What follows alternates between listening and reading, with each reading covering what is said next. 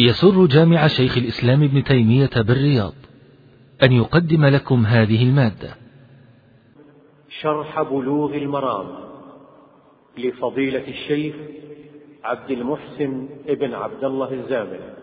وذلك ضمن دروس الدورة العلمية المكثفة التاسعة لعام 1423 من الهجرة بجامع شيخ الإسلام ابن تيمية رحمه الله تعالى بسلطانه. نسأل الله تعالى أن ينفع بها المسلمين. والآن مع الشريط العاشر.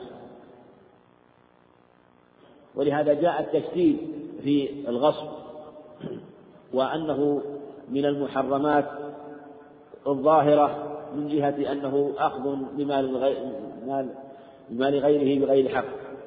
حديث سعيد بن زيد هذا له شواهد من يتوقع شبرا من أرض ظلما طويقه طويقه يوم القيامة من سبع أراضين.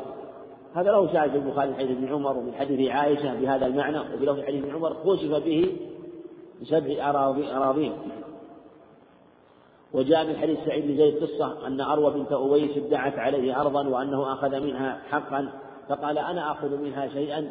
بعد الذي سمعت رسول الله صلى الله عليه وسلم يقول من من قطع أرضا ظلما طويقه يوم القيامة من سبع أراضين اللهم إن كانت كاذبة فعمي بصرها واقتلها في أرضها.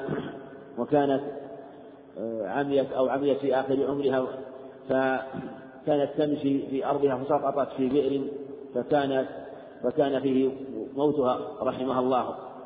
فالمقصود أنه آه، أن الظلم محرم وعاقبته وخيمة في الدنيا غالبا قبل الآخرة. خاصة في ظلم الحقوق وأخذ الحقوق من أموال أو أرض أو غير ذلك. ولهذا قال مطوقه يوم القيامة من سبع أراضي. هذا وعيد شديد. يوم القيامة يؤمر أن تكون هذه هذه الأرض طوقا في عنقه إلى الأرض السابعة. وقال كثير من العلم أن هذا على ظاهره وأنه يتطوق في عنقه وتكون معلوم أن عنقه لا يمكن أن أن يأخذ إلا شيئا يسيرا. لكن إذا كان عنقه فيها وفي وسطها فكأنه طوق إياها وقيل إنه يعظم يوم القيامة ويعظم عنقه حتى تكون طوقا في عنقه. كما أن الكافر يعظم جسمه ويعظم ضرسه كما جاء في الأخبار. وقيل بمعناه أن هذا من باب التعذيب له أنه يؤمر بأن يجعلها طوقا في عنقه ولا يستطيع ذلك. باب التعذيب له. مثل ما جاء في حديث عند البخاري حديث ابن عباس من كذب في حلمه كلف أن يعقد بين شعيرتين وليس. يعني حبة الشعير مع الشعير لا يمكن أن تعقدها مع بعض. ما يمكن. ولهذا يكلف من باب التعديل أن يعقد بين شعيرتين لأنه عقد حلما كذبا ولأنه ادعى أن الله أراه لأن هذه أمور لا يمكن عليها ولا يقدر عليها إلا الله عز وجل. فإذا ادعى أنه رأى شيئا فهو ادعى شيئا وأن الله أمكنه منه وكذب على الله في مثل هذا. فكان من عقوبته أن يكلف أن يعقد بين شعيرتين لكن ليس بفاعل. من باب التعجيل العظيم في ذلك الموقف. كذلك أيضا هذا يؤمر أن يحملها وليس بفاعل ولا قادر على هذا التأويل وقيل على ظاهره فالله أعلم. لكن شاهد الكلام أو الشاهد من الخبر ومعناه أنه شدة العقوبة التي يكلف إياها في ذلك المقام سواء كانت بهذا المعنى أو بهذا المعنى. وفي هذا أيضا الدلالة أن من ملك أرضا ملك ما تحتها إلى تخفوم السابعة وأنه لو أراد أن يحفر فيها فإنه يملك ما خرج منها إلى ولو إلى أرض السابعة ويبقى طويقه من سبع أراضي. ما لم يحصل ضرر على جاره وإلا فالأصل أنه يملك قرارها وما نزل من قرارها كما أنه يملك هواءها إلى السماء ما لم يكن ضرر آه، على أحد. وهذا هو الأصل في القرار وملكه وإن نزل وفي الهواء وملكه وإن ارتفع. وعن أنس رضي الله عنه أن النبي صلى الله عليه وسلم كان عند بعض نسائه فأرسلت إحدى أمهات المؤمنين مع خادم لها بقصعة فيها طعام فضربت بيدها فكسرت القصعة فضمها وجعل فيها الطعام وقال كلوا ودفع القصعة الصحيحة للرسول وحبس المكسور رواه البخاري والترمذي. وسمى الضارب عائشة وزاد فقال النبي صلى الله عليه وسلم طعام بطعام وإناء طعام بطعام وإناء بإناء وصححه. حديث أنس في صحيح البخاري وهو أنه عليه الصلاة والسلام كما في الخبر كان عند إحدى أمهات المؤمنين فأرسلت إحدى أمهات المؤمنين غير عائشة طعاما وكانت أحدق منها أو أعجل منها في صنع الطعام فغارت عائشة رضي الله عنها فجاءت وكسرت الصحفة وقيل إنها أرسلت الجارية فكسرتها بين يدي النبي عليه الصلاة والسلام وأصحابه. فأمر عليه الصلاة والسلام بالصحفة وهو يعني الصحن الذي فيه الطعام الصحفة الذي فيه الطعام. أمر بالمكسورة هذا بالصحفة المكسورة هو الصحن الذي كسر من خشب وأبقاه في بيت الكاسرة. وأخذ الصحن السليم ورده إلى من كسر من كسرت صحفتها لأنه مماثل له ولهذا قال إناء بإناء وطعام بطعام كما في رواية الترمذي وإسنادها صحيح على شرط الصحيح وله شاهد عن عائشة عند أبي داود من حديث جسرة بنت دجاجة وهو أنه عليه السلام قال إناء مثل إناء وطعام مثل طعام. وسنده جيد الشواهد بشاهده الرواية التي عند عن أنس عند الترمذي. فهذه الزيادة وهي إناء بإناء وطعام بطعام كما في هذا الخبر دليل على هذا المعنى الذي ذكره المصنف رحمه الله. وهذا الخبر فيه فوائد. أولا ما كان عليه عليه الصلاة والسلام من حسن الخلق وحسن العشرة لنسائه وأن نساءه يعلمن ذلك. لأن عائشة رضي الله عنها علمت أن ذلك من خلقه وأنه لا يغضب بل يتحمل مثل هذا. ولهذا كسرت إحدى هي كسرت هذا هذا الإناء رضي الله عنها. وقيل إن الإناء المكسورة هي زينب لأنه جاء عند ابن حزم من هذا الطريق من طريق من هذا المخرج عن أنس وذكر أنها زينب. وجاء في رواية أنه جرى بين عائشة وأم سلمة عند النسائي وجاء من طريق آخر بين عائشة وحفصة. ويمكن أن يكون وقع أكثر مرة وقد يكون وقع من واحدة لكن الراوي وهم في ذكر من وقعت لها القصة مع عائشة رضي الله عنها. وفيه ما كان عليه الصلاة والسلام في بيته ويجتمع عنده أصحابه ومن ويحضر ما تيسر من الطعام وأنه لا يتكلف عليه الصلاة والسلام بل يحضر ما تيسر. هذا هو هدي هو هدي عليه الصلاة والسلام. وهذا هو السنة للمسلم أن لا يتكلف مع إخوانه ولا يحقر ما عنده يقدمه وهكذا النفوس الطيبة. إذا قدم لها ما تيسر لا تحقره. ولهذا جاء في الحديث النهي عن ذلك ونهى عن ونهى عن التكلف للضيف إلا بشيء يعرض ولأمر يعرض.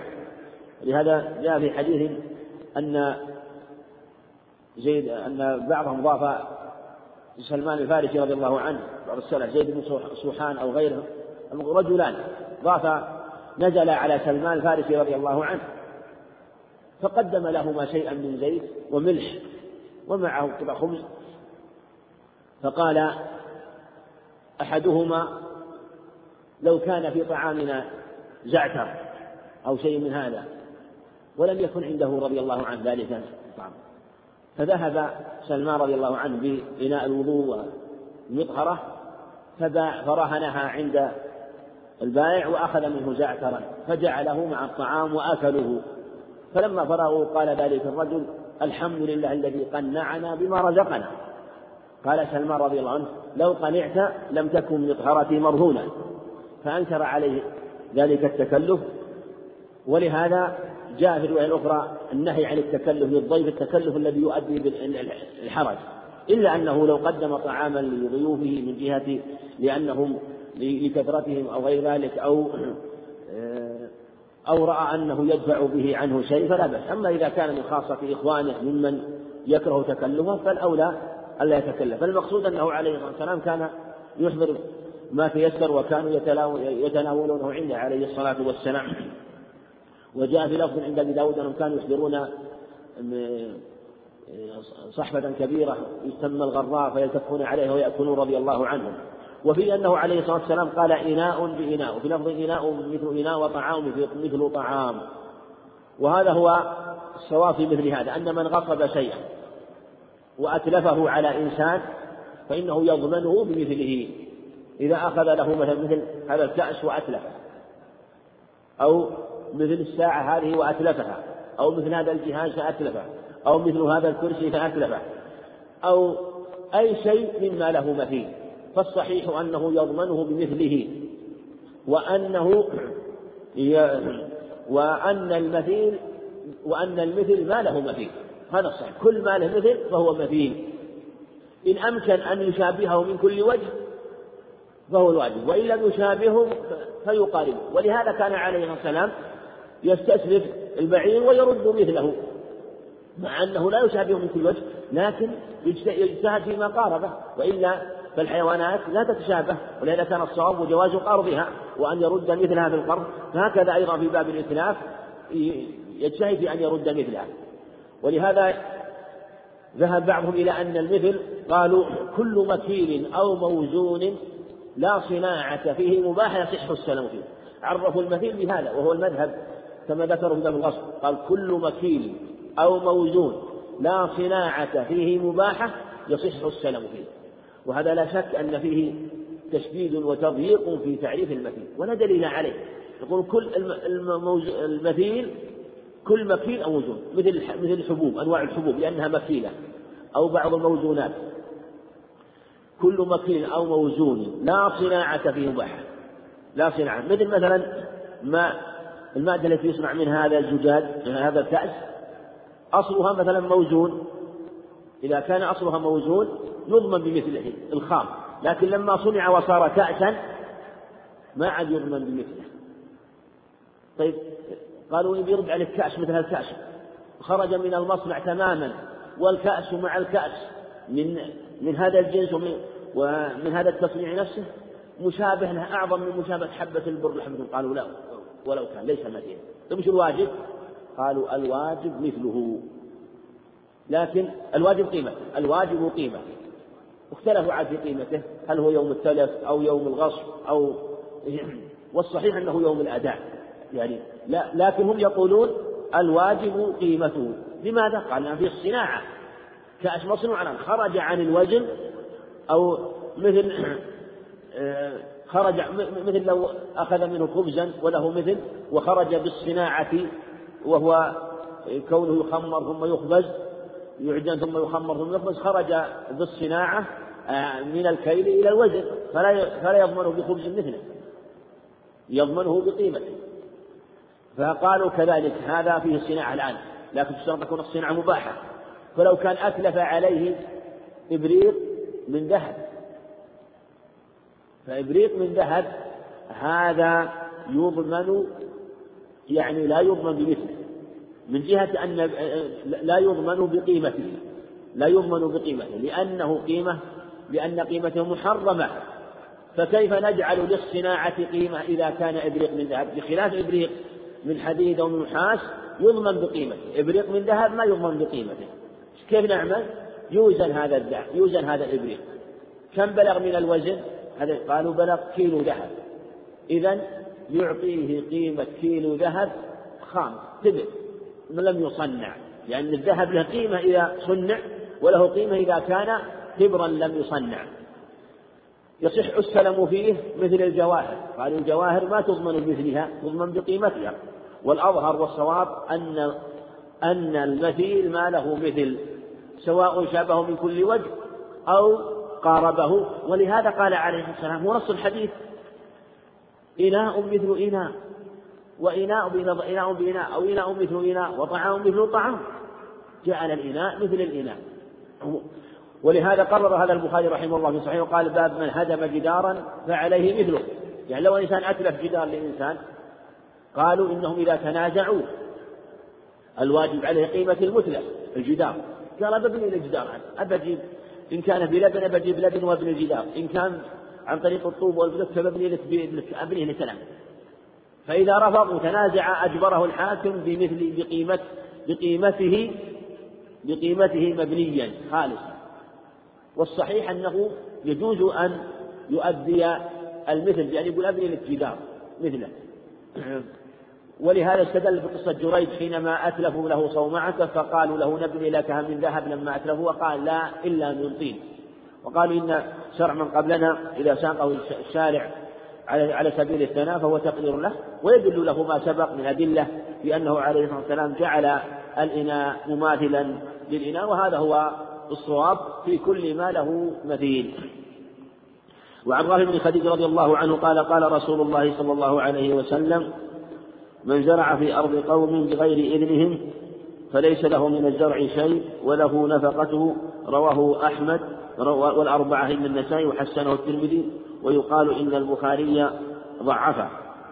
حديث رافع هذا من طريق شريك عن أبي إسحاق عن عطاء عن رافع وفي هذه العلل الشريك فيه ضعف وأبو إسحاق مدلس وعطاء قيل لم يسمع من أبي رافع لكن له شاهد عن أبي رافع من طريق آخر وهو أنه عليه الصلاة والسلام رأى زرعا لبهير بن رافع. أحد الصحابة رضي فقال ما أحسن زرع بهير قالوا إنه ليس له. فقال يعني إنه زرع في أرضه. قال عليه الصلاة والسلام خذوا زرعكم واعطوه النفقة. يعني الذي زرع أعطوه النفقة. ومثل ما جاء في هذا الخبر من زرع في أرض قوم فليس له من الزرع شيء في لفظ الآخر بغيرهم وله نفقته. وهذا أيضا دليل لما ذكر المصنف رحمه الله هو أن من غصب ارضا فزرعها جعل فيها حد فزرعها. اختلف العلماء في هذا الغصب حينما غصب هذه الأرض وزرعها ونبت هذا الحب وخرج هذا السنبل. والأظهر ما دل عليه هذا الخبر وأن من غصبت أرضه وأدرك الحب أو أدرك الزرع قبل أن يحصد نقول إنه لك أن أنت مخير. أي من غصبت منه هذه الأرض فزرع فيها زرع إنه مخير. إن شاء أبقاها حتى يحصد وحتى يأخذه الغاصب ويكون له أجرة الأرض تقدر الأرض كم تؤجر هذه إلى أن يحصد. ثم أيضا إذا حصل ضرر للأرض بسبب الزرع يقدر قيمة هذا الضرر فيأخذ أجرة الأرض وأجرة وقيمة ومقابل الضرر حصل للأرض. وإن شاء أخذ الزرع الذي في أرضه. ولهذا قال عنه قال فليس له من الزرع شيء وله نفقته يعني للغاصب. فإذا قال لا أنا خلاص أنا بأخذ الزرع هذا فنقول أنت مخير. ولو أراد الغاصب أن يأخذه قل لا يجوز لك لأنه ظالم ومعتدي إنما أنت الآن لك الأجرة إذا لك الأجرة. أنت أنت الآن لك الزرع لك زرعك إذا أراد المغصوب منه أن يبقيه وتعطيه الأجرة. وكذلك مقابل ما تضرر من الأرض إذا قرر الخبر أن الأرض تضررت بهذا الزرع لأن بعض أنواع الزروع تتضرر وقد يكون لا يريد أن يزرعها أو يريد أن يسكن عليها فتضررت أرضها فيقدر هذا الضرر مثلا أو يريد أن يجعل فيها شيء غير الزرع هذا الذي يضرها. فإذا اختار المغصوب منه الزرع نقول عليك أن ترد عليه نفقته. كم أنفق هذا الغاصب؟ واختلفوا هل الواجب للغاصب النفقة أو القيمة. المذهب عند عند متأخر من أحمد أن الواجب للغاصب القيمة. يقال كم قيمة هذا الزرع الآن؟ ويعطى القيمة. والقول الثاني أنه النفقة وهذا أظهر. لأنه نص الحديث ولأنه ليس للغاصب إلا مقدار ما أنفق. يقال كم قيمة الحب الذي وضعه وكم النفقة التي أنفقها من المال في حرث الأرض وفي إجراء الماء لها وكذلك إذا كان هنالك أشياء لا يعمل بنفسه في عمال فأعطاهم من المال نفقات تقدر تقدر نفقاته جميعها وهذا عدل بين الاثنين بأن يأخذ نفقته وهذا هو نص الخبر عنه عليه الصلاة والسلام. ولهذا في اللفظ الآخر عند أبي داود خذوا زرعكم واعطوه نفقته يعني ما أنفق. وهذا خاص بالزرع لأن الزرع في الغالب لا يطول ويحصد ولا يبقى مدة طويلة فالواجب هذا هو الواجب حينما يختلفون. هذا عند الاختلاف والنزاع. كل هذا حينما يقول حينما يقول العلماء مثلا الواجب المثل في هذا أو الواجب النفقة مثلا في الزرع أو الواجب القيمة على الخيام هذا عند النزاع. لكن لو اتفق الغاصب والمغصوب منه على شيء آخر مما لا يحرمه الشرع فلا, فلا بأس بذلك. لو اتفق قال قال المغصوب بأس بعطيك القيمة.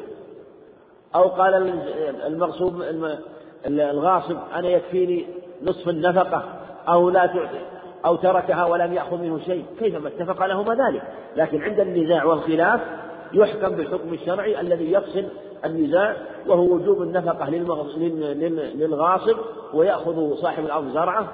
وكذلك أيضا فيما تقدم في وجوب المثل فيما في الذي أتلفه المتلف مثل ما تقدم. هذا فيما يتعلق بالزرع أما إذا كان نخل مغروس فهذا له حكم كما سيأتي. قال وعن عروة بن الزبير رضي الله عنه قال رجل من أصحاب رسول الله صلى الله عليه وسلم إن رجلين اختصما إلى رسول الله صلى الله عليه وسلم فقضى رسول الله صلى الله عليه وسلم بالأرض لصاحبها وأمر صاحب النخل أن يخرج نخله وقال ليس لعرق ظالم حق. رواه أبو داود وإسناده حسن. وآخره عند أصحاب السنن من رواية عروة عن سعيد بن زيد واختلف في وصله وإرساله وفي تعيين صحابية. حديث وحديث رافع الخليج الذي قبل قال عنه رحمه الله إن البخاري ضعفه. هذا نقل الخطابي رحمه الله. نقل الخطابي حديث رافع الخديج ليس له من الزرع شيء وله نفقته لكن نقل الترمذي رحمه الله عن البخاري أنه حسن. ولا شك أن نقل الترمذي أقوى من جهة أنه لقي البخاري وأخذ عنه. نعم وحديث عروة بن الزبير رضي الله عنه ورحمه له جاء موصولا بذكر سعيد بذكر سعيد بن زيد لكن جاء موصول عند أبي داود مختصر من أحيا أرضا ميتة فهي له وليس لعرق ظالم حق.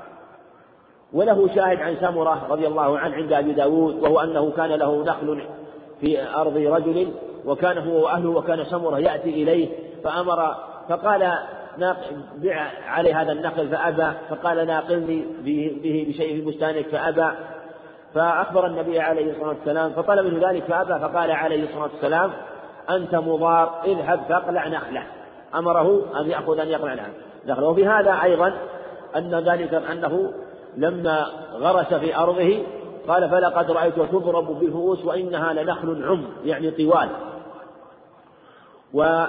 وفي هذا الخبر أمر عليه الصلاة والسلام بقلع الغراس غراس الغاصب. وفي حديث رافع لم يأمر بقلع وإزالة الزرع. فاختلف العلماء في هذا. بعضهم أجرى الغرس مجرى الزرع وقال إنه يبقى كما يبقى الزرع ويكون للغاصب للمغصوب منه الأجرة.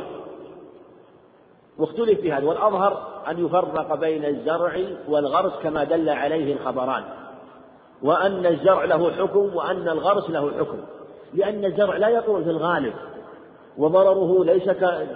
ليس كضرر النخل بخلاف النخل والأشجار فإنها تطول وتبقى مدة طويلة. فلهذا فرق بينها. فالزرع له نوع احترام وإن كان غاصبا من جهة أنه لا ضرر فيه. أو ضرره لا يدوم وما يحصل من الضرر في حق المغصوب من يزول بأن يخير يقال أنت الآن بالخيار. إن شئت أخذت الزرع بنفقته تعطيه النفقة وتأخذ الزرع. وإن شئت أن تبقي الزرع ومدته لا تطول وقد يكون قريب الاستحصاد فيعطى إيه، تأخذ أجرة الأرض. حتى لا يكون فيه فساد هذا مال وإن كان قد غصب وزرع لكنه الآن مال قائم وإتلافه ليس فيه مصلحة. وأيضا هو الضرر يسير ويزول هذا الضرر بأن نعطيك النفقة أو يزول هذا الضرر بأن تعطى الأجرة أجرة أرضك إذا أردت ألا تأخذ هذا الزرع. وإتلاف المال في مثل هذه الحالة ليس مناسبا خاصة أنه لا مصلحة فيه. أما النخل فإنه ضرره كبير ويطول. ولهذا دفع الشارع المضرة المفسدة هذه الكبيرة ولو ترتب عليه مفسدة لأنه فيه مفسدتان أو أو أن البقاء في مصلحة. القصد أن البقاء في مصلحة لكنها مصلحة تتعلق بالغاصب وهي مصلحة يسيرة بجانب الضرر الكثير الذي يتعلق بالمغصوب منه. فلهذا يؤمر الغارس بقلع نخله وقال اقلع هذا النخل وأزله من الأرض يجب عليك ولو قال سوف يترك نعم أنت الذي اعتديت وأنت الظالم في مثل هذا وتتحمل يداك أو كتوفك نفق فأنت المعتدي وأنت الظالم حيث تجرأت على غصب ثم تجرأت في الغرس وأنت تعلم أن الغرس يبقى هذه المدة فعليك أن تزيل الغراس. ثم إذا تضررت الأرض بقلعها فالواجب عليه أن يسويها وأن يصلحها. ولهذا لم يجعل لها عليه الصلاة والسلام بل أمر بقلعها وفي و وفي اللفظ الآخر كانت تضرب بالفؤوس وفي ذلك اللفظ الآخر قال اذهب فاقلع نخلة وهذا هو الأمر. ويلحق بالغرس البناء لو أنه بنى في الأرض بناء فهو في حكم الغراس لأنه يطول مدة طويلة. في هذه الحالة يؤمر الغاصب بإزالة بنائه ولو كان فيه تلف إلا إذا اتفق على شيء من ذلك أو كان البناء لا مضرة فيه. مثل أن يكون البناء في أرض في أرض وهو ليس محتاجا إليها وبقاؤه في مصلحة وتبين أنه لا ضرر ينبغي التفصيل في البناء وينظر فيه. فإذا كان لا ضرر فيه وفي مصلحة مثلا له فإنه في هذه الحالة يبقى له ويؤخذ بقيمته وقيمة ما أنفق فيه. وعن أبي بكر رضي الله عنه أن النبي صلى الله عليه وسلم في خطبته قال في خطبته يوم النحر لمن إن دماءكم وأموالكم عليكم حرام كحرمه يومكم هذا في شهركم هذا في بلدكم هذا. متفق عليه.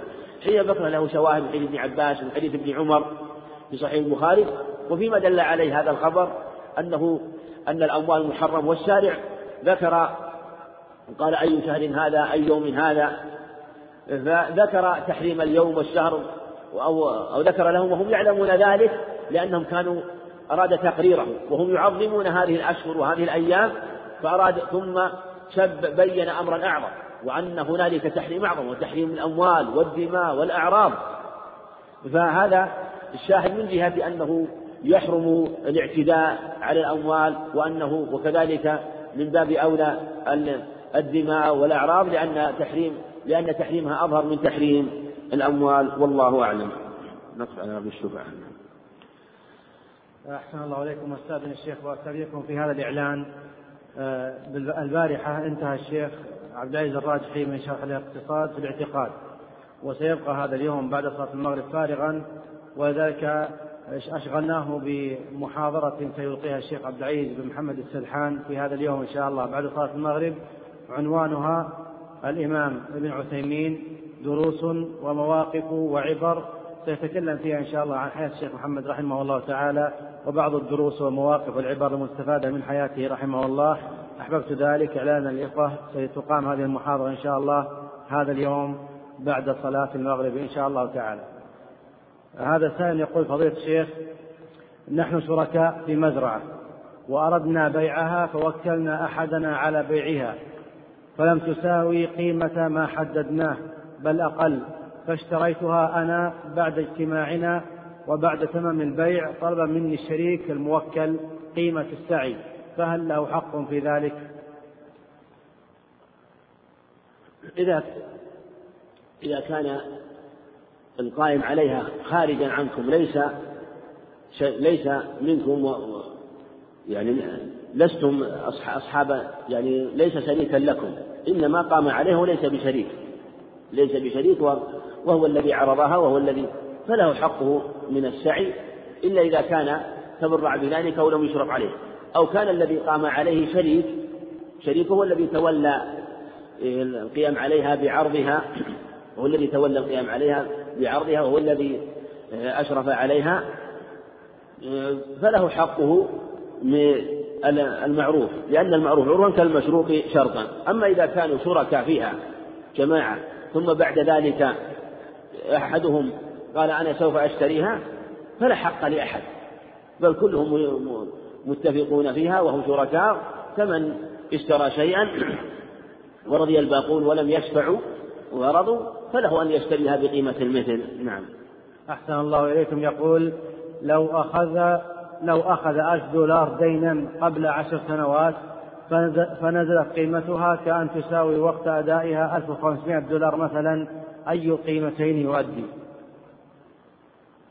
المعروف عند جمهور أهل العلم أنه يرد مثل ما أخذ ولو نزلت قيمته أخذ ألف دولار يرد ألف دولار أخذ ألف ريال يرد ألف ريال وهكذا بجميع العمولات هذا هو المعروف عند جماهير أهل العلم وخاصة إذا كان النزول يسيرا. ما دام أن العملة قائمة ولم تبطل فإنها يرد أن يرد مثلها. بخلاف ما إذا أبطلت فإنه يرد إذا كان لها مثل آخر. يرد مثلها وإلا قيمتها يوم القرض إذا كان قرضا. وإن كان وإن كان النزول شديدا نزلت قيمة الدولار أو قيمة الريال أو قيمة الجنيه نزلت نزولا كثيرا فهذا موضع نظر. يريد أن يكون أخذ آه، مثلا ألف جنيه من يتعامل بالجنيه مثلا ثم صارت وكان قيمة والألف جنيه ما تساوي ألف ريال سعودي. ثم صار ألف جنيه ما يساوي إلا خمسين ريال. مع صار له مجرد ورق ما عاد له قيمة. أو فهذا الكساد هل ينظر فيه؟ جمهور العلماء يقولون يرد مثله ما دام أنه ما دام أنه لم يبطل. وهذا موضع نظر والأظهر والله أعلم أنه إذا حصل كساد شديد وأنه نزلت قيمتها نزولا كثيرا نزلت القيمة نزول كثير في هذه الحالة يرد قيمتها في يوم العقد. أما إذا كان لا التأرجح اليسير مثل ما يحصل نزول يسير أو ارتفاع يسير مما لا تسلم منه أنواع العمولات فهذا لا بأس به. ولهذا أمر عليه الصلاة والسلام قال أن تأخذ بسعر يومها. أمر في حديث لا بأس أن تأخذ بسعر يوم ما لم يكن بينكما شيء. سئل الإمام أحمد رحمه الله قال إن الناس يتفاوتون في الدانق والدانقين. قال لا بأس بذلك ولو حصل تفاوت لأن هذا لا يمكن أن يضبط كذلك التفاوت اليسير لا بأس آه، يعني لا يؤثر. نعم.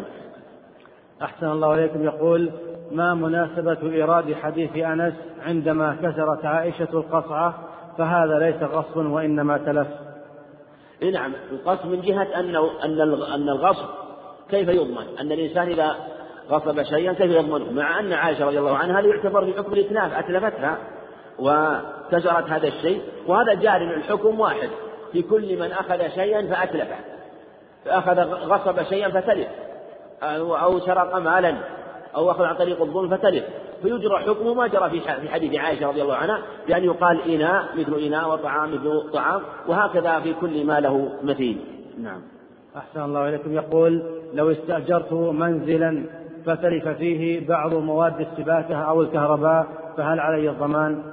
لا لا ضمان لأن لأن المستأجر من باب الأمانة البيت المستأجر من باب الأمانة والسيارة المستأجرة من باب الأمانة كل هذه كلها من باب الأمانات ما دام أنه يستعملها الاستعمال المعتاد فإذا استأجر بيتا وتلفت آه، تصريف فيه مثلا أو تلف بعض ما فيه بطريقة الاستعمال فهو لا شيء عليه لأنه من باب الأمانة. ومما يدل عليه أن نفس العارية التي هي إباحة الانتفاع بالشيء مع أنها ليست كالأجرة. لو أنه استعمل استعار ثوبا فتلف منه بعض الشيء بالاستعمال أو استعار سيارة فتلفت كفرات السيارة عن طريق الاستعمال المعتاد الذي لا ضرر فيه لا يضمن كفرات السيارة. وهكذا أيضا من باب أولى إذا كان آه، في البيت المستأجر. نعم. أحسن الله إليكم. يقول في حديث رافع من زرع في أرض قوم فهل يقاس عليه غيره؟ كلو بنى بيتا مثلا. بنى بيت. مثل ما سبق. المسألة في البيت لا. البيت تلحق بالغرس. على خلاف مثل هذا. لكن يظهر والله أعلم أنه ينظر مثل ما سبق في مسألة البيت إن كان بناؤه قائم في هذه الأرض. ولا مصلحة لصاحب الأرض في إزالة هذا البيت. تبين أن ما هناك مصلحة مثل أن يكون في مزرعة أو في مكان وبنى في بيت في جانبها وهذا البيت ينفع صاحب الأرض. وإتلافه ضرر فإتلاف الأموال وإفساد الأموال ليس المصلحة فنقول في مثل هذه الحالة أن لا بأس أن يأخذ أن يبقى وأن يأخذ نفقته الغاصب إلا إذا كان المغصوب لا يستطيع ذلك. في هذه الحالة يقال يقال المغصوب ما أستطيع أنا ما عندي مال. يقال للمغصوب أنت الآن بين أمرين. أنت الآن غصبت أرض وبنيت في هذا البناء وهو لا يستطيع. إما أن تزيل أرضك أو أن تتركه بغير شيء أو بما يكون فيه صلاح بينهما. نعم. أحسن الله إليكم. يقول ما القول الراجح لو انكسر إبريق ذهب فهل يضمنه؟ إبريق الذهب مثل ما تقدم لا يضمن الصناعة فيه لأن الصناعة محرمة. وما كانت صناعته محرمة لا يضمن بصناعته يضمن بوزنه. لأن هذا لأن صاحب الإبريق لو أنه ما أتلفه وجب علينا أن نتلفه. ولو أنه رآه رجل الحسبة أو رآه الحاكم أو الوالي وعلم بهذا الإبريق من الذهب وجب عليه أن يتلفه. ويجب على صاحب الإبريق أن يتلفه لأنه لأنه اتخذ شيئا محرما مثل آلات له يجب أن يتلفها. آلات الغنى واللهو أباريق الذهب ملاعق الذهب والفضة يجب أن يتلفها. فإذا أتلفها الغاض فإذا أتلفها إنسان سواء كان عن طريق التعدي أو عن غير أو عن طريق الحسبة فإن إتلافه إياها إيه، قام مقام غيره ونقول لا قيمة لها ولا قيمة لصناعتها وتقوم بما تساوي. كم تساوي؟ كم يساوي وزن هذا الذهب قبل أن يصنع. مثل ما لو أتلفنا إيه، شيء له قيمة وكانت صناعته محرم في غير الذهب والفضة. نعم. أحسن الله إليكم. يقول كثيرا شيخنا ما تذكرون حديث جيد فما المقصود من ذلك؟ الحديث الجيد هذا المراد يعني حديث مستج به. وربما قال المتكلم هذا حديث جيد إذا لم يتبين له هل هو حديث صحيح أو حسن تردد. فأتى بعبارة جيد فهو إن كان صحيح فهو جيد وإن كان حسن فهو جيد. فهذه عبارة بين هاتين العبارتين. نعم. أحسن الله عليكم. وهذا السائل يقول هل حكم الأراضي الغير مملوكة؟ لها نفس حكم الملك الشخصي الوارد في أحاديث الغصب وجزاكم الله خيرا. لا ليس لها حكم. الأرض غير مملوكة لها أحكام كثيرة تأتي إن شاء الله بإحياء الموات وإن كانت الأرض ليست مملوكة كما يقول العلماء في تحريف الأرض الموات الأرض الموات هي المنفكة عن الحق عن الملك والاختصاص. إذا كانت الأرض منفكة عن الملك ليست مملوكة أحد مملوكة لأحد وليست مختصة بالانتفاع لأحد فهي أرض الميتة التي يجوز إحياؤها بشروط. فإذا أحيا فيها وعمر فيها أو حفر فيها بشروطها فإنه يكون مالكا لها بالشروط التي ذكرها العلم. نعم. أحسن الله إليكم وأثابكم ونفعنا بعلمكم وصلى الله على نبينا محمد وعلى آله وصحبه أجمعين. الحمد لله رب العالمين والصلاة والسلام على نبينا محمد وعلى آله وأصحابه وأتباعه بإحسان إلى يوم الدين. أما بعد فيقول الإمام الحافظ ابن حجر رحمه الله تعالى باب الشفعة. الشفعة معناها هو انتقال حصة شريك إلى شريك كانت قد انتقلت إلى أجنبي بمثل العوض المسمى. انتقال حصة شريك إلى شريك. أن يكون المال بين اثنين أو أن يكون الشيء مشروع بين اثنين مثل منزل بين اثنين أو أرض بين اثنين شركاء فيها. فيبيع أحدهم نصيبه على أجنبي من غيرهما. فيشفع الشريك. والشفع من الضم وهو الزوج. يعني يريد أن يضم نصيب شريكه المباع إلى نصيبه من الزوج بعد بعد أن كان واحد صار اثنين. انتزاع أو انتقال حصة شريك إلى شريك والشريك الأول ينتزع وتنتقل حصة شريكه إليه. كانت قد انتقلت إلى أجنبي وهو المشتري بنفس العوض الذي اتفق عليه. هذه هي الشفعة والشفعة من محاسن هذا الدين وكله محاسن وكله مزايا. لكن هنالك في باب المعاملات جاء بها الشرع وإن كان فيها انتزاع وإجبار للبائع بأن يؤخذ منه هذا قهرا لمصلحة تربو ما تترتب عليها من انتزاع ما باعه. وذلك أن الشرع جاء بالمصالح ودرأ المفاسد وجاء بخير بخير الخيرين وشر الشرين.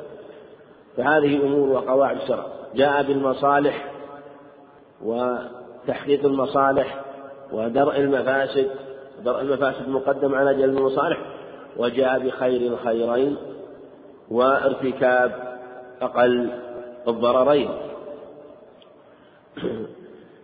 ولهذا لم ينظر إلى هذا البيع بل للشريك الثاني أن ينتزع حصة شريكه بنفس العوض المسمى وذكر العلماء شروط في هذا الباب والمصنف ذكر الأخبار التي هي عمدة في هذا الباب. وذلك أن الشريك الشافع قد يكون عليه مضرة من وجود الدخيل والأجنبي.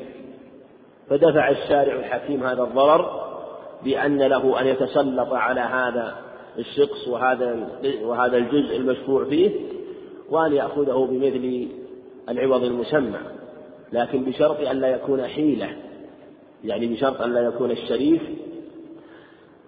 أظهر البائع والمشتري أظهر قيمة وفي الباطن يكون تكون قيمة خلاف ذلك حتى يدفع الشفيع من الشراء.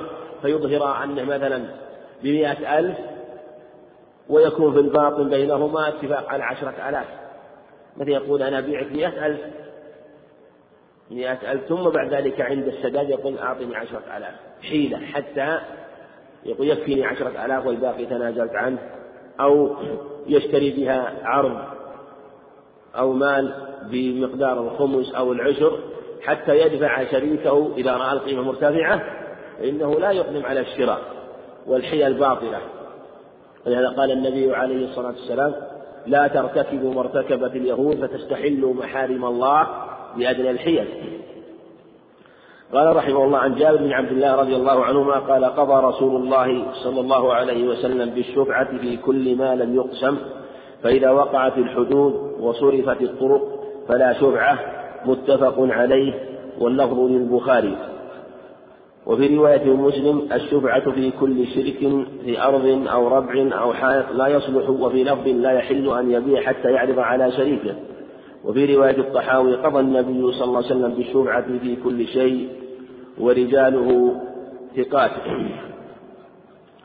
هذا الخبر دليل على ما دل عليه وهو الشفعة وأخذ من هذا العلماء مشروعية الشفعة وأنه لا بأس بها. والشفعة في كل ما لم يقسم. وأخذوا من هذا أن الشفعة تكون فيما لم يقسم أما إذا قسمت قسم الشيء فقد سقطت الشفعة ولهذا قال فإذا حدت صرف وصرف وصرفت أو صرفت طرق فلا شفعة إذا قال صرفت وصرفت صرفت الطرق والحدود فإذا حدت وصرفت الطرق فلا شفعة وهنا مسائل. المسألة الأولى العلة في إثبات الشفعة اختلف العلماء في السبب في إثبات الشفعة هل هو لدفع ضرر المقاسمة أو لدفع ضرر الجوار دفع ضرر الشركة أو لدفع ضرر الجوار؟ على ثلاثة على ثلاث علل. قيل إن العلة في إثبات الشفعة هو دافع ضرر المقاسمة. معناه أن يكون المنزل بين اثنين أو الأرض بين اثنين أو البستان بين اثنين. فقالوا فإذا باع أحد الشريكين أو أحد الشركاء ولو كان مكتوبين نصيبه فإنه يدخل عليه أجنبي. وقد كان قبل ذلك يستمتع من هذه الأرض أو هذا المنزل لأنهم شركاء ولم يقسموا ومتوافقون فهو يسترفق بهذا البيت أو هذا البستان أو هذه الأرض ينتفع بها يؤجرها أو يجعلها محل يستفيد منه. فإذا جاء الشريك إذا جاء المشتري الدخيل الأجنبي ربما دخل عليه الضرر من أنها من أنه يطلب القسمة ويقول أريد أن يقسم نصيبي والأرض تقبل القسمة هذه ويمكن قسمتها أو المنزل يمكن قسمته بلا ضرر بأن يكون فيه مرافق يقسم إلى قسمين. في هذه الحالة أراد الشارع أن يدفع الضرر عن الشريك عن الشريك الذي لم يبع نصيبه فأثبت له الشفعة حتى يأخذ هذا الشرك وهذا الجزء الذي بيع فيندفع عنه الضرر بدخول الأجنبي الذي قد يقاسمه ويلزم شرعا بالمقاسمة لأن هذا المنزل يمكن يمكن قسمته من جهة أن فيه مرافق. من فضلك اقلب الشريط.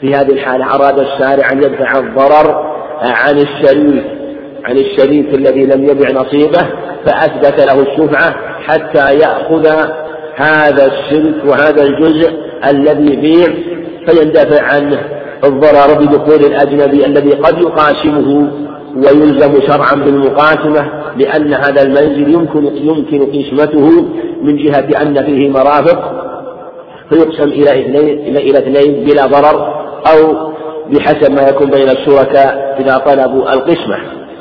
قالوا إن الشريك لدفع ضرر المقاسم فعلى هذا قالوا لا شفعة فيما لا ينقسم. مثل البيت الصغير. إذا كان هناك بيت صغير ما يمكن قسمته إلى اثنين ولو قسم إلى اثنين ما انتفع به.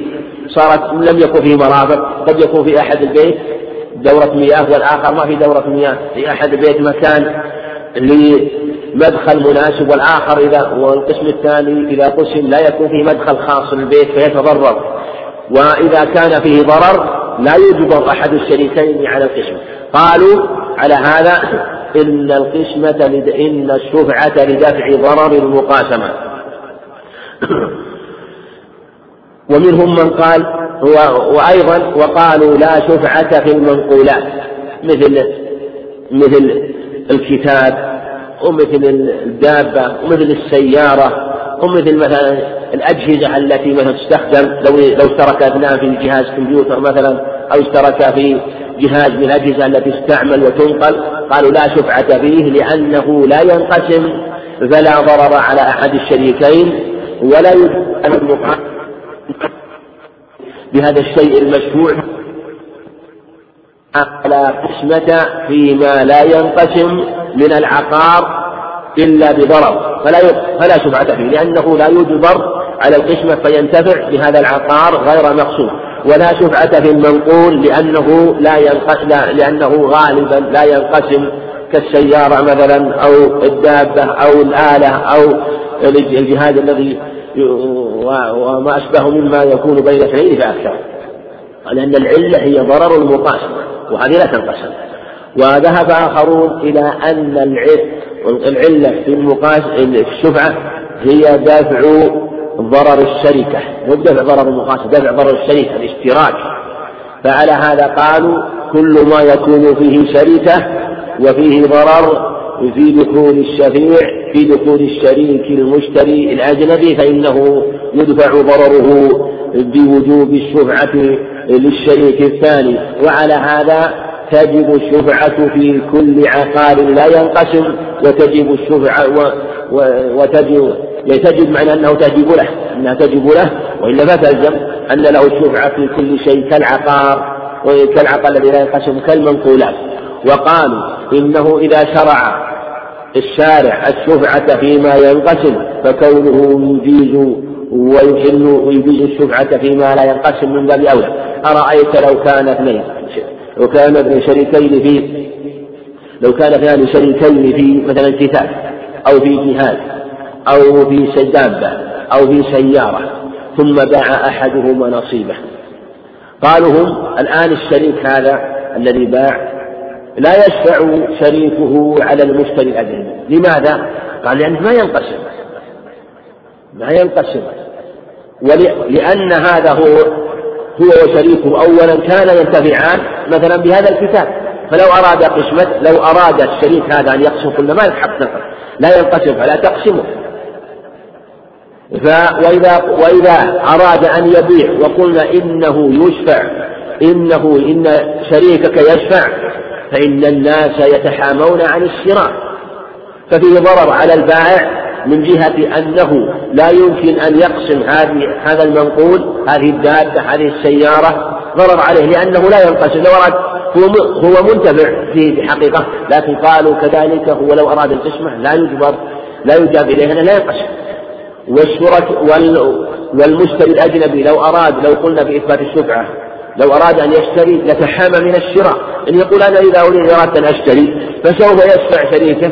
وأنتم إذا أجبتموه للشفعة فعلي ضرر فيتحامى الناس من الشراء فلهذا قالوا لا نوجب الشفعة ونقول إنه لا شفعة فيها دفعا للضرر عن الشريك الذي يبيع لأنه قد يريد المقاسة فلا يمكن الإجابة إليها. ولو وإذا أراد أن يبيع فأن إن الناس يتحامون عن الشراء إذا علموا أنه يشفع عليه. هكذا قالوا ولهذا الذين قالوا إنه لا شفعة فيها. قالوا هذه الذين قالوا إن الشفعة تكون في ما ينقسم دون ما لا ينقسم. والذين قالوا إن العلة هو ضرر الشركة كما سبق قالوا إنه تجب الشفعة به من باب أولى. إذا وجبت في المنقسم فوجوبها في غير المنقسم من باب أولى. لأن الضرر الذي يكون في العقار غير المنقسم أشد من الضرر في العقار المنقسم. لأن هذا إذا طلب القسمة نعلم بما علم نقول إنه أي إنه إذا أراد القسمة لم يجب إليها فيريد أن يبيع حتى يتخلص من ضرر المشاركة. وأنتم تلزمونه وأنت تقول لا شفعة فتجبرونه ومع ذلك نقول له أن يبيع وللشريك الثاني وللأجنبي أن يشتري. ثم الضرر في الذي لا ينقسم أشد. في الحقيقة. أرأيت؟ الضر لو لو كان اثنين. شركاء مثلا في في كتاب. اشترك في كتاب من الكتب.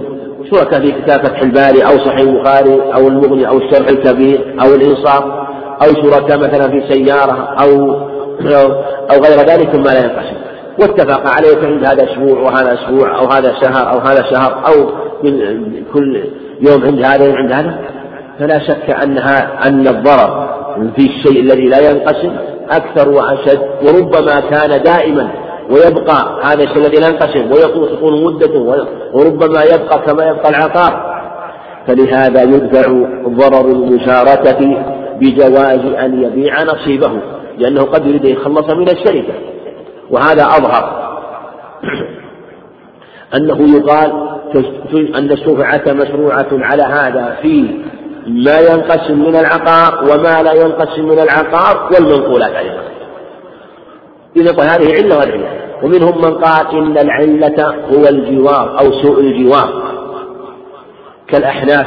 وقالوا لو كان جارين وهو تلاصقين وباع أحدهما فإن الجار له لو يلحقه من ضرر الجوار الشيء الكثير. فإذا جاء أجنبي يريد أن يشتري فإنه يريد أن يدفع ضرر الجوار بأن يشتري أرض جارة أو مزرعة جارة أو بيت جارة. فلهذا دفع عن هذا الضرر بأن يسلط على هذا بأن يسلط على هذا الشيء المشروع فيه.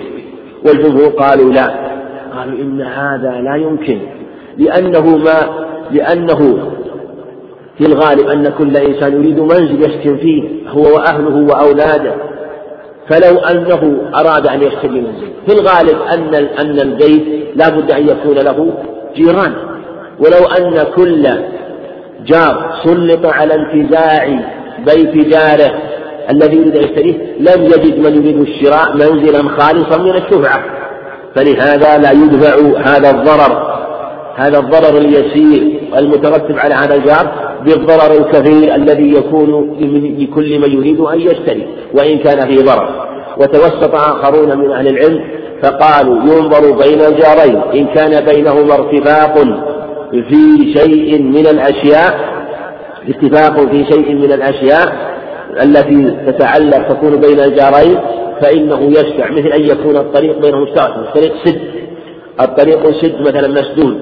فهما يتفقان في هذا الطريق وتكون منفعته لهما. أو أن يكون مثلا لو كان يجرى الماء الماء الذي يجري لهم من طريق واحد. أو مثلا مثل بعض المرافق لو كانت مجرى بالوعة الماء مثلا واحد.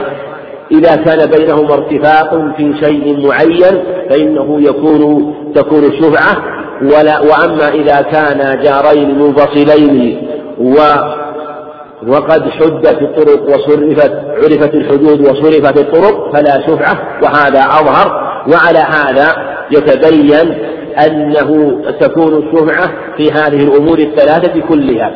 إذا لدافع ضرر لدافع ضرر القسمة بأن يشفع على جاره في الشيء الذي في في المنزل الذي ينقسم في البستان الذي ينقسم يشفع فيه لأنه يريد أن يدفع القسمة التي ربما أدخلها عليه الأجنبي فيريد أن ينتفق بهذا البستان مثل ما كان يتفق به مع شريكه الأول ويتفق بهذه الدار كما كان يتفق بها مع شريكه الأول وكذلك دفع ضرر الشركة. إذا كان في شيء غير منقول أو في عقار لا ينقسم يريد أن يدفع ضرر الشركة لأنه إذا جاءه الأجنبي الدخيل فإنه دخل ربما دخل عليه ضرر في هذا الشيء الذي بينهم. فلو كان من ما سبق بينهما شركة في سيارة وهي لا تنقسم فباع أحدهما نصيبه مثلا ونصيب النصف وجاء دخيل أجنبي. لا شك أنه ربما تضرر من ذاك الأجنبي الذي ليس بينه وبين معرفة ولا يدري كيف تعامله معه. فقد هذا الضرر يدفعه إلى أن يبيع أيضا هو ويريد أن يبيع ويتخلص. فناسب أن يسلط على هذا الجزء الشائع لشريكه وأن يشفع فيه. كذلك أيضا يشفع في الجار الذي يكون بينهما ارتفاق في شيء من الأشياء. هذا هو الأظهر وأن الشفعة تكون في هذه الأمور الثلاثة. دليله عموم الحديث. حديث جابر رضي الله عنه. حديث جابر أن الرسول أن الرسول عليه الصلاة والسلام قضى بالشفعة في كل ما لم يقسم. وهذا عام في كل ما لم يقسم. عام في العقار في جميع العقار ولم يستثني شيء عليه الصلاة والسلام. ثم أيضا لو كان خاصا أو دالا على أنه في العقار المقسوم فإنه يدل من جهة المعنى والقياس الأولى وأنه في غير العقار المقسوم من باب أولى.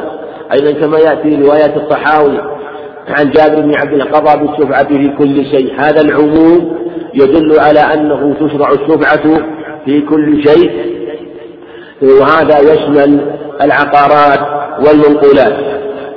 هذا هو الأصل في الشفعة من جهة حكمة المشروعية وكذلك من جهة علة المشروعية فإن هنالك حكمة وهنالك علة؟ واختلف بالعلة على أي شيء؟ والأظهر أنه على كل هذه الأشياء من جهة عموم الأدلة ومن أيضا بالنظر إلى ملاحظة المعنى الذي دلت عليه الشفعة قوله فإذا وقعت الحدود وصرفت الطرق فلا وصرفت أو صرفت الطرق فلا شفعة وهذا صريح في أنه إذا وقعت الحدود حدت عرفت كل دار بحدودها كل بستان بحدوده هذا في العقار فلا شفعة قد يقال طيب أليس إذا كان جرين وبينهما ارتفاق؟ قد عرفت الحدود وهذه وهذا بيت مستقل وهذا هذا منزل مستقل وهذا منزل مستقل. قد عرفت الحدود واستقل كل دار واستقل كل شريك بنصيبه. أليس قد انتهت وقد حدت؟ يقال نعم لكنه لم تصرف تصريفا كان قال الرسول عليه فإذا حدت وصرفت الطرق. ما إذا صرفت تصريفا كاملا وصارت الطرق نافذة.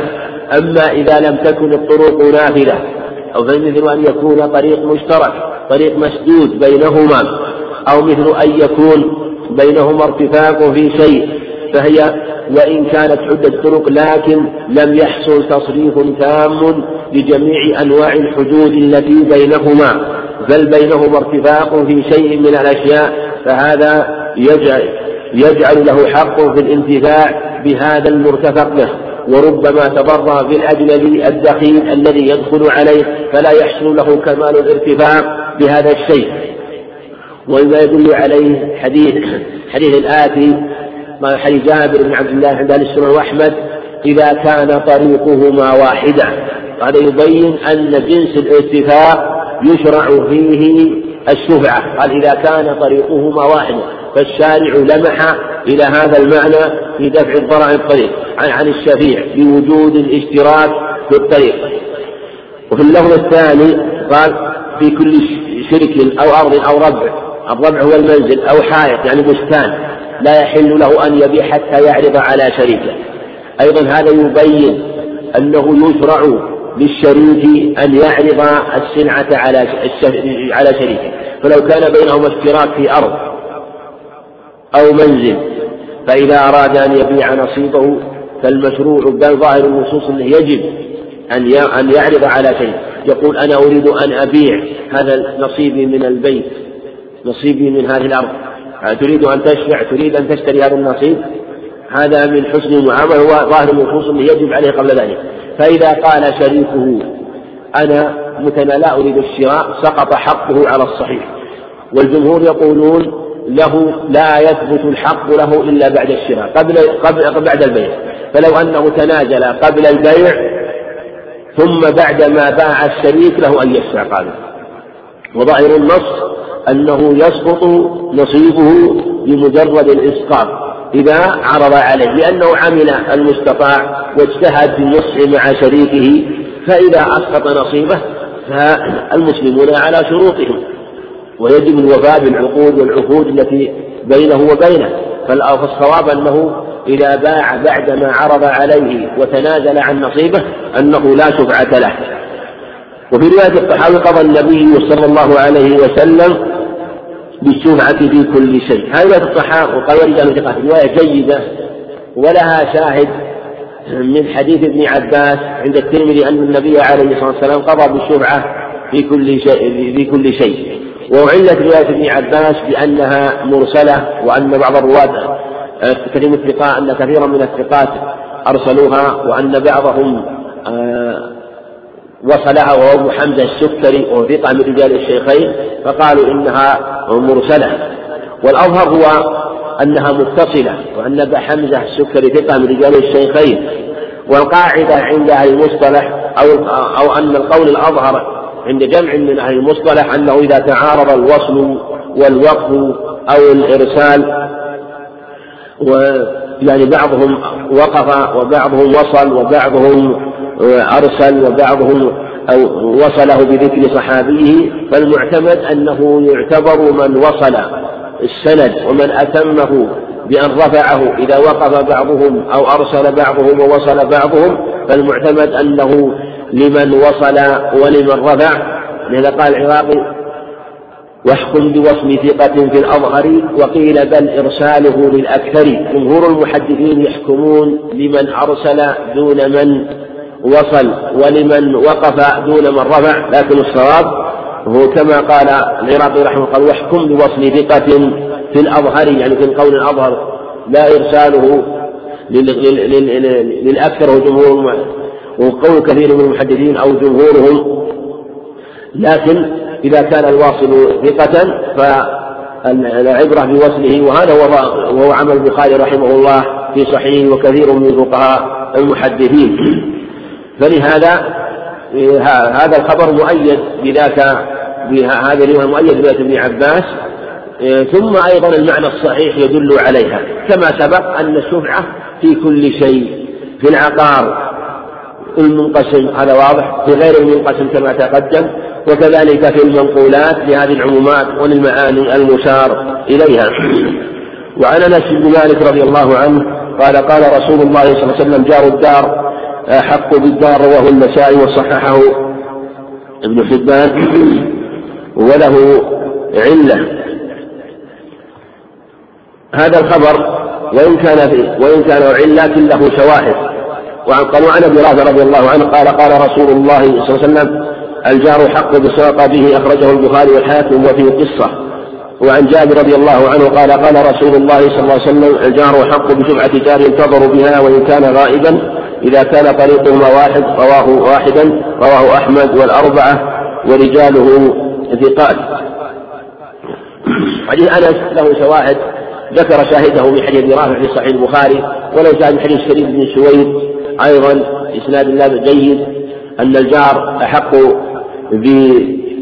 بدار جاره وكذلك حديث حسن عن سمرة جار الدار حق بالدار. هذه أحاديث تدل على أن الجوار حق وهذه استدل بها من ذهب إلى أن الشفعة للجار مطلقا.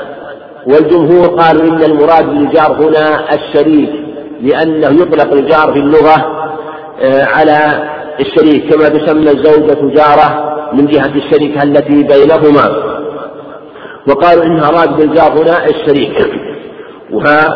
والأظهر والله أعلم أنه على ظاهره وأن الجار آه، كما قال على جار الدار حق بالدار والجار حق بسقفه لكن هذا الخبر مفسر بالأدلة الأخرى على القاعدة في تفسير الخبر بالخبر وأن المجرد بالجار هنا جار خاص. وهذا ما دل عليه حديث جابر. ولهذا المصنف رحمه الله ذكر حديث جابر بن عبد الله وحديث جيد أنه الجار حق بشفعة جاره. ينتظر بها إذا كان غائبا إذا كان طريقهما واحدا. وهذا إما من باب البيان لتلك الألفاظ أو من باب تقييد المطلق وبيان ما هو من هو الجار الذي له الحق. وهو الجار وهما الجاران اللذان بينهما شيء من الارتفاق كالطريق كما في هذا الخبر إذا كان طريقهما واحدا. أو إذا كان مثلا لهما ماء يجري واحد مثل آه، أن يكون جارين في بستان والماء ومسيرهما واحد يجري سيرهما واحد. فلو أنه دخل عليه جار جديد فربما تضرر عليه بدخوله من جهة أن مجرى السيل لهذه المزرعة أو لهذا البستان واحد. وكذلك أيضا أنواع الاتفاقات الأخرى التي تكون بينهما يكون بينهما طريق خاص. فهذا هو الأظهر وعلى هذا يكون الجمهور أولوه كما سبق بالجار الشريف والأظهر أنه على ظاهره لكن ليس المراد كل المراد بجار خاص وهو الذي يكون على هذه الصفة. وما يدل عليه حديث حديث أبي رافع رضي الله عنه في قصة ولها قال قال وله قصة قصته وهو أن أبا رافع أن المسور ابن مخرمة جاء إلى أبي رافع ثم قال ثم ذهب هو وأبو رافع إلى سعد بن أبي وقاص فقال أبو رافع للمسور ألا تقول لهذا لهذا يشتري مني بيتي الذي في داره؟ فقال سعد رضي الله عنه لا أشتري إلا بأربع بأربعمائة منجمة. فقال أبو رافع لقد أعطيت بها خمسمائة يعني مرة واحدة ولولا أني سمعت رسول الله يقول الجار حق بساق به ما بعتك وهذا في دار في في بيت بين دور في مكان واحد. إما أن سورها واحد أو مكانها واحد أو طريقها واحد. ولهذا قال قل له يشتري مني بيتي الذي في داره. فهذا فيه إشارة إلى أنه جار خاص وهو الجار الذي يكون له مع جار شركة في شيء ما. فهذا هو الأظهر. وعلى هذا يكون هذا القول وسط بين قول الجمهور وقول الأحناف قول الجمهور الذين قالوا لا شفعة للجار الذي قد كان انفصلت الدار عن الدار وحدت وتبينت وبين الأحناف الذين يقولون الشفعة للجار مطلقا وبين من قال إنه تكون الشفعة للجار مع جاره إذا كان يرتفقان بشيء من أنواع الاتفاقات. ورياض إذا كان طريق واحدا علها بعضهم لكن الصواب آه، أنها رواية جيدة ومن وصلها ومن فسر ذكر هذه الرواية ثقة. فلهذا قرره لعله القيم رحمه الله اعتمد على هذه الرواية. وعن ابن عمر عن النبي رضي الله عنه عن النبي صلى الله عليه وسلم قال شفعة كحل العقاء رواه ابن ماجه والبزار وزاد ولا شفعة لغائب وفي إسناده ضعف أو إسناده ضعيف. هذا الخبر لا يصح.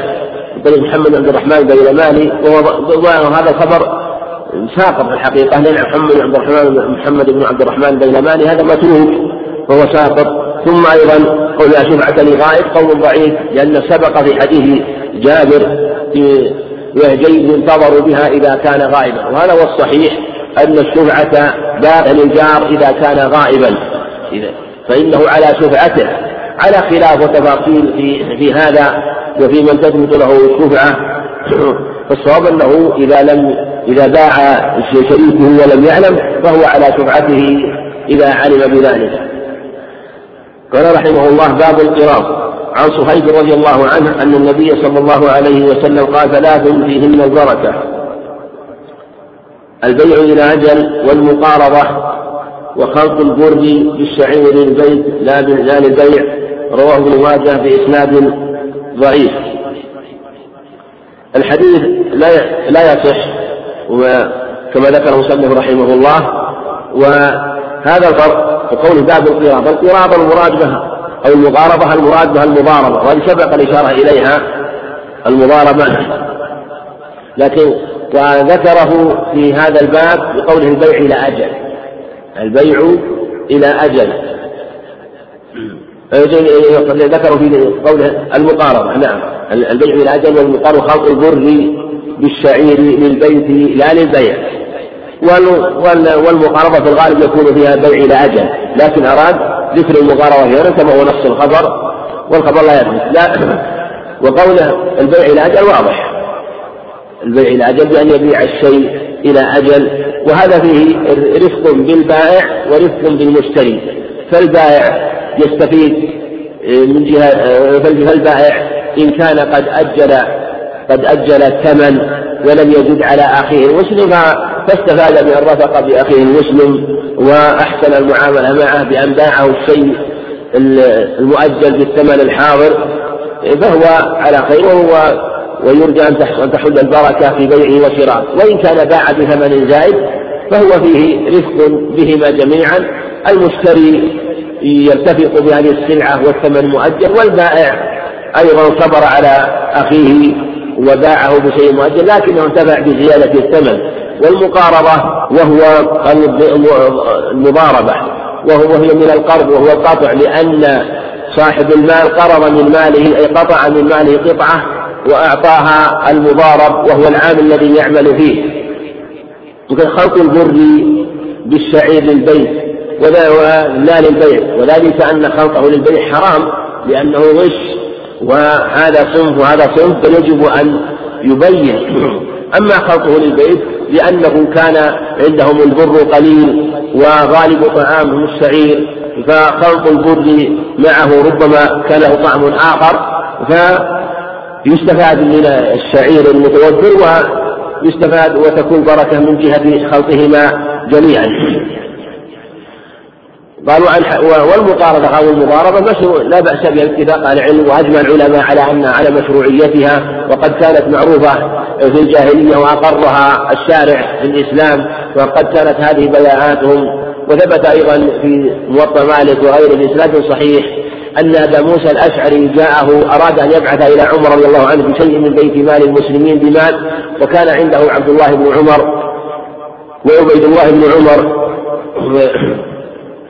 آه، ابن عبد ابن عمر الخطاب رضي الله عنه فقال وهو يريد أن يبعث به إيه فقال أعطيكم إياه أو أسلفك أسلفكما إياه هذا المال.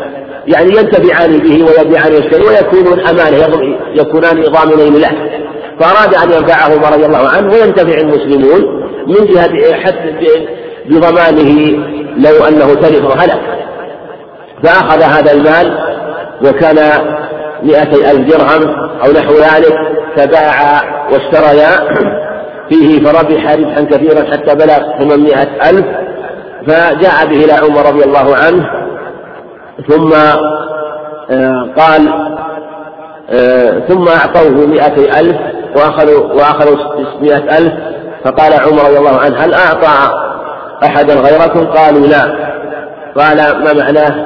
أولاد أمير المؤمنين يعني أنه حاباكما لأنكما ابناي. فقال عبيد سكت عبد الله رضي الله عنه عبد الله بن عمر. فقال عبيد الله بن عمر يا أمير المؤمنين لو هلك ضمناه والربح لنا إذا كنا قد ضمناه. يعني أنه خالق لأننا ضامن لأننا ضامنون لمن؟ لو هلك. فقال رجل عنده يا أمير اجعله قراضا.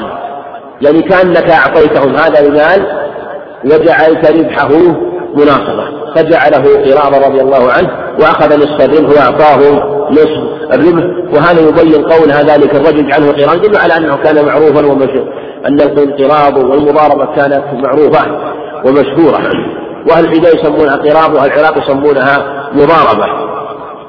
قالوا عن حكيم بن حزام رضي الله عنه أنه كان يشترط على الرجل إذا أعطاه مالا مقارضة ألا تجعل مالي في كبد رطبة ولا تحمله في بحر ولا تحمله في بحر ولا تنزل به في بطن وسيل فإن فعلت شيئا من ذلك فقد ظلمت رواه الدار ورجاله ثقات وفي وقال مالك موطئا على عبد الرحمن بن يعقوب عن أبيه عن جده أنه عمل في مال عثمان على أن الذبح بينهم وهو موقوف صحيح. قال عبد الرحمن بن يعقوب الحرق مولى الحرقة.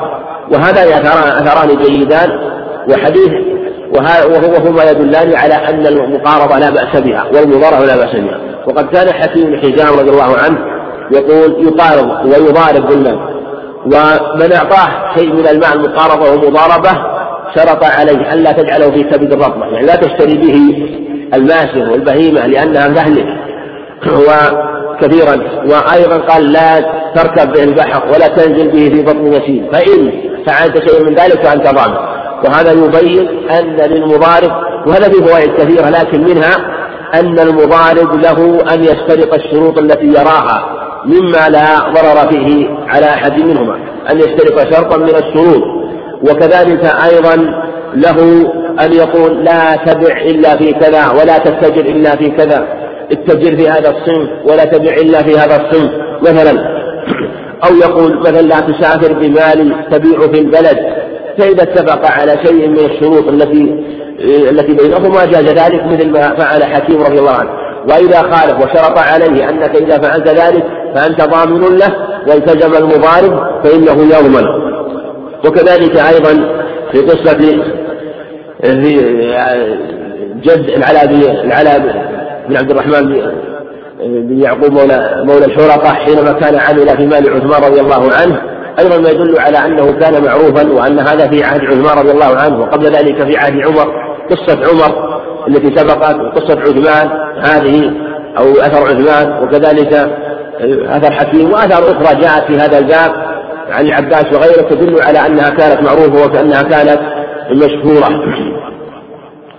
لكن مما يجب أن يعلم أنه لا يجوز في المضاربة أن يشرط شيئا أن يشرط مالا معينا. يقول مثلا لي عشرة آلاف لي ألف ريال. لا يجوز أن يشرط شيئا معينا.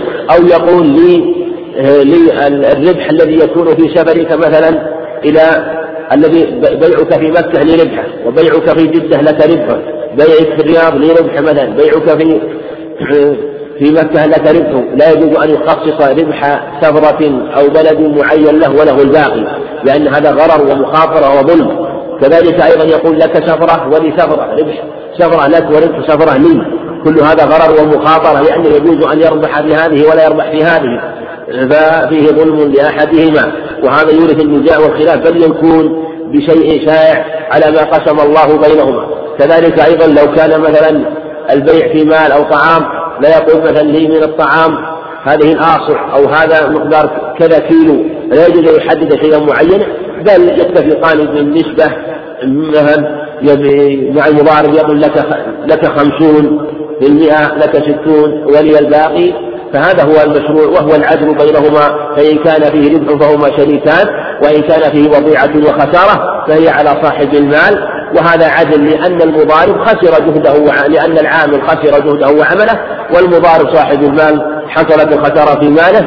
فلو حصل خسارة فهما متعادلان من جهة هذا بجهده وهذا بماله. وإن حصل ربح فإنه بينهما آه، بحسب النسبة التي اتفقا عليها.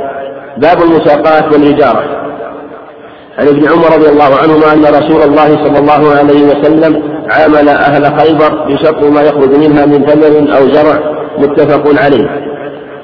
وفي رواية لهما فسألوه أن يقرهم بها على أن يكفوه عملها وله نصف الثمر فقال لهم رسول الله صلى الله عليه وسلم يقركم بها على ذلك ما شئنا فقروا بها.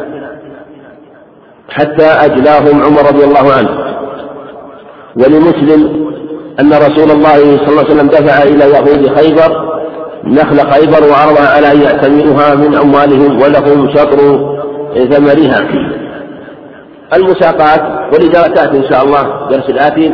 أما المساقات يقال المساقات والمزارعة ومنهم من يضيف معها المناصبة المساقات هو دفع النخل والشجر لمن يسقيه بجزء معلوم من الثمرة بجزء مشاع من الثمرة. دفع النخل لمن يسقيه بجزء مشاع من الثمرة. وكذلك أو المناصبة المناصبة هو دفع النخل الذي يكون في أرض بيضاء لم لم يكن ليس فيها نخل فيدفع إليه النخل وينصبه العامل. أو أنه يكون النقل من العامل على الصحيح ويكون على حسب ما اتفق عليه. والمزارعة هي دفع الأرض لمن يزرعها على ما يتفقان عليه. و وهذا هو الأصل في مشروعية المساقات والمزارعة حديث ابن عمر في الصحيحين. وهي قصة أهل خيبر يهود خيبر لأن النبي عليه الصلاة والسلام دفع لهم إن نخلها وشجرها على أن يعملوها من أموالهم لأنهم كانوا يعلمون هذا الشيء ويعرفونه وكانوا يعملون فيها فكانوا عمالا فيها على أن لهم الشطر يعني شطر الثمرة كانوا عمالا فيها. واختلف العلماء في مسائل كثيرة في هذا. وهذا الخبر هو ما دل عليه هو الصواب وهو مشروعية المساقات ومشروعية المؤاجرة وأن هذا من العدل والمساقات من جنس المشاركة.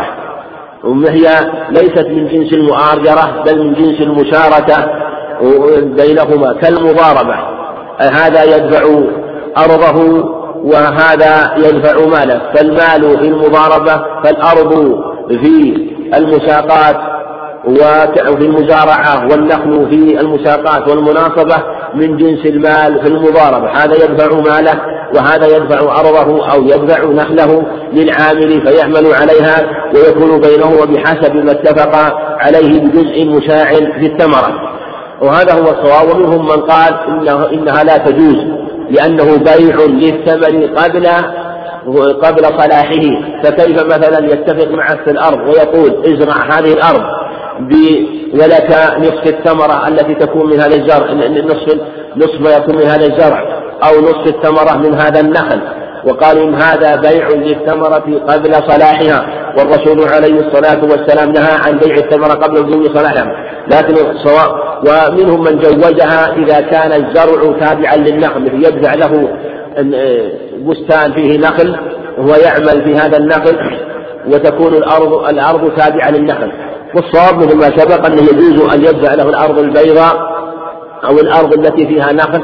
بأن يزرعها وأن يكون بينهما لأن هذا مثل ما سبق من جنس المشاركة ومن جنس من جنس المشاركة ولأن هذا في الحقيقة نوع من المضاربة لأن هذا يدفع هذه الأرض مثل الم... الذي يدفع المال للمضارب ويتفقان على الربح والربح غير موجود لكن بحسب ما يخرج من الربح كذلك هذه الثمرة غير موجودة بحسب ما يتفقان عليها وهذه وهذه الثمرة وهذه الثمرة وما يحصل من الثمرة يكون بينهما.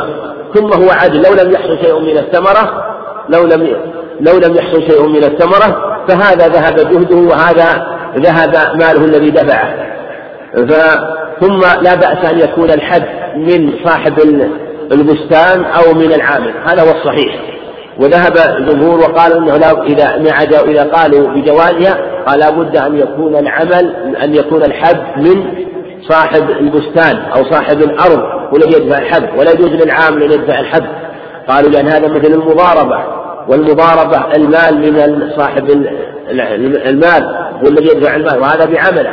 والأظهر انه يختلف في هذه الجهة من جهة ان المال في المضاربة باقي وإذا انتهت المضاربة فهذا يرجع في ماله كان باقي. أمحب فإنه يذهب ويتلف وتخرج الثمرة ولاقي ويذهب ويموت في الأرض وينبت هذا السنبل في الحب. فلهذا جاز أن يدفع الحب العامل وجاز أن يدفع الحب صاحب الأرض أو صاحب النخل. ولهذا الرسول عليه الصلاة والسلام دفع إليهم آه، الأرض ويعملوها من أموالهم ولم يشترط شيئا من ذلك. وقال إن عليهم شيئا مما يحتاجون إليه في زرعها مثلا. وثبت أيضا في الصحيح أنه قال يعملونها من أموالهم. وثبت في صحيح البخاري أن عمر رضي الله عنه دفع إليهم الأرض كان يدفع الأرض إلى العمال ويقول إن كان الحب منكم فلي كذا وكذا وإن كان الحب مني فلكم كذا وكذا. معنى أنه خيرهم بأن يدفع لهم الحب وبين أن يكون منهم فالصواب أنه جائز أن يكون آه، من من العامل أو من صاحب الأرض. وعن حنظلة بن قيس رضي الله عنه قال سألت رافع بن خديج عن كراء وعن حنظلة رضي الله عنه قال سألت رافع بن خديج رضي الله عنه عن كراء الأرض بالذهب والفضة فقال لا بأس به إنما كان الناس يؤاجرون على عهد رسول الله صلى الله عليه وسلم على الماليانات وأقمال الجداول وأشياء من الزرع. فيهلك هذا ويسلم هذا ويسلم هذا ويهلك هذا ولم يكن للناس كراء إلا هلك. فلذا يتزجر النبي يتزجر عنه. فأما شيء معلوم مضمون فلا بأس رواه مسلم وفيه بيان لما وجد في المتفق عليه من إطلاق النهي عن كراء الأرض. وعن ثابت بن الضحاك رضي الله عنه أن رسول الله صلى الله عليه وسلم نهى عن المزارعة وأمر بالمهاجر رواه مسلم أيضا. وهذا الخبر وهذا الخبر حديث رافع حديث بن الضحاك فيه بيان مشروع أنه لا بأس بالمزارعة. وعلى هذا يكون ما النهي عن المزارعة أو النهي عن المؤاجرة أو النهي عن الكراء نهي خاص عن مؤاجرة خاصة. وهذه مسألة فيها خلاف طويل بين العلم والصواب ما دل عليه الخبر وهو أنه جاءت أخبار بالنهي عن المزارعة عن المؤاجرة وجاءت بالنهي عن كراء الأرض وفي بعضها أنه من حديث عباس ومن حديث من من حديث أبي هريرة وأنه أنه قال إن من كانت له أرض فليزرعها أو ليمنحها أو ليمنحها يعني لأخيه أو أنه يكريها بذهب أو فضة. و وكان في أول الأمر أمر الرسول عليه الصلاة والسلام لما قدموا المدينة أولهم برفق إخوانهم ونهاهم عن الكراء ونهاهم أمر عن الأنصار أن يرفقوا بإخوانهم المهاجرين وأن يقاسموهم وأن يشاركوا ثم ذلك لما توسعوا رضي الله عنهم أو حصل شيء من السعة أجاز كراء الأرض. ثم بعد ذلك جاء النهي عن نوع من الكراء خاص أو نهي أو النهي عن المخابرة في بعضها. والصواب أنه أن النهي أن ما جاء من النهي عن آه، المخابرة أو النهي عن المؤاجرة آه، يحمل على المخابرة التي فيها ظلم وفيها غرض وكيف هي؟ مثل ما قال رافع رضي الله عنه أنه كانوا يزارعون وكان المزارع الذي يدفع عرضه للعامل ويقول لي ما على الماريانات وأقبال الجداول والمديانات وهي السواقي ما يجري معها الماء. أو أقبال الجداول رؤوس الجداول. يشترط مثلا الزرع الذي يكون قريبا من الماء أو الزرع الذي يكون قريبا من رأس النهر. أو قريب من محل مجرى الماء. أو يقول مثلا لي أجارعك على هذه الأرض ولي ما كان قريبا من البئر. أو مثلا لما ما في جهتها الغربية أو الجنوبية أو الشمالية أو الشرقية أو لما نبت في هذه البقعة أو لثمرة هذه النخلات أو ما أشبه ذلك. هذا هو الذي نهى النبي عليه الصلاة والسلام. وما جاء من الأخبار بعد ذلك في النهي عن المخابرة أو النهي عن المؤاجرة فهو نهي عن مؤاجرة خاصة وهي أن يكون له إيه، زرع بقعة معينة أو مكان معين أو ثمرة نخلات معينة فهذا هو الغرر والمخابرة لأن فيه ظلم. وذلك أنه يجوز أن لا يثمر شيء من الزرع أو البستان إلا هذا الشيء المحدد فيكون فيه ضرر بالعامل ويكون نوع ثمار في حقه من أنه غرم وكذلك أيضا يكون أو يكون أو بالعكس ربما لم تنبت هذه البقعة وأنبت في الأرض كلها ولم تنبت هذه البقعة فيكون ضرر بصاحب الأرض والعقد إذا دار بين الغرر والمخاطرة أو بين الغنم والغرف فيحرم. ولهذا قال الليث رحمه الله إن الذي نهى عنه الشارع أو نهى عنه النبي عليه الصلاة والسلام هو أمر إذا رآه بالبصيرة في الحلال والحرام علم أنه غرر ومخاطرة وهو كما قال رحمه الله أنه نهى عن شيء يكون فيه غرر ومخاطرة أما ما كان واضح ولا غرر ومخاطرة فإنه مثل ما قال إذا كان بشيء معلوم مضمون مثل أن يكون يؤجل الأرض بدراهم. هذا لا بأس فهو نوع إجارة. أو يزارع الأرض بالنسبة. يقول لك الثلث لك الخمس لك العشر لك منها خمسين في المئة. وهكذا بحسب ما يتفق عليه. إما أن يكون شيء مشاع من الزرع من ثمرة الزرع أو ثمرة النخل أو أن يكون بشيء معلوم مضمون من الدراهم بأن يؤجل الأرض بشيء معلوم مثل ما يؤجل الدار وغير ذلك. هذا هو الأظهر في هذه المسألة. ويأتي بقية الكلام إن شاء الله أعلم شكر الله لفضيلة الشيخ على ما قدم وجعله في موازين حسناته والسلام عليكم ورحمة الله وبركاته.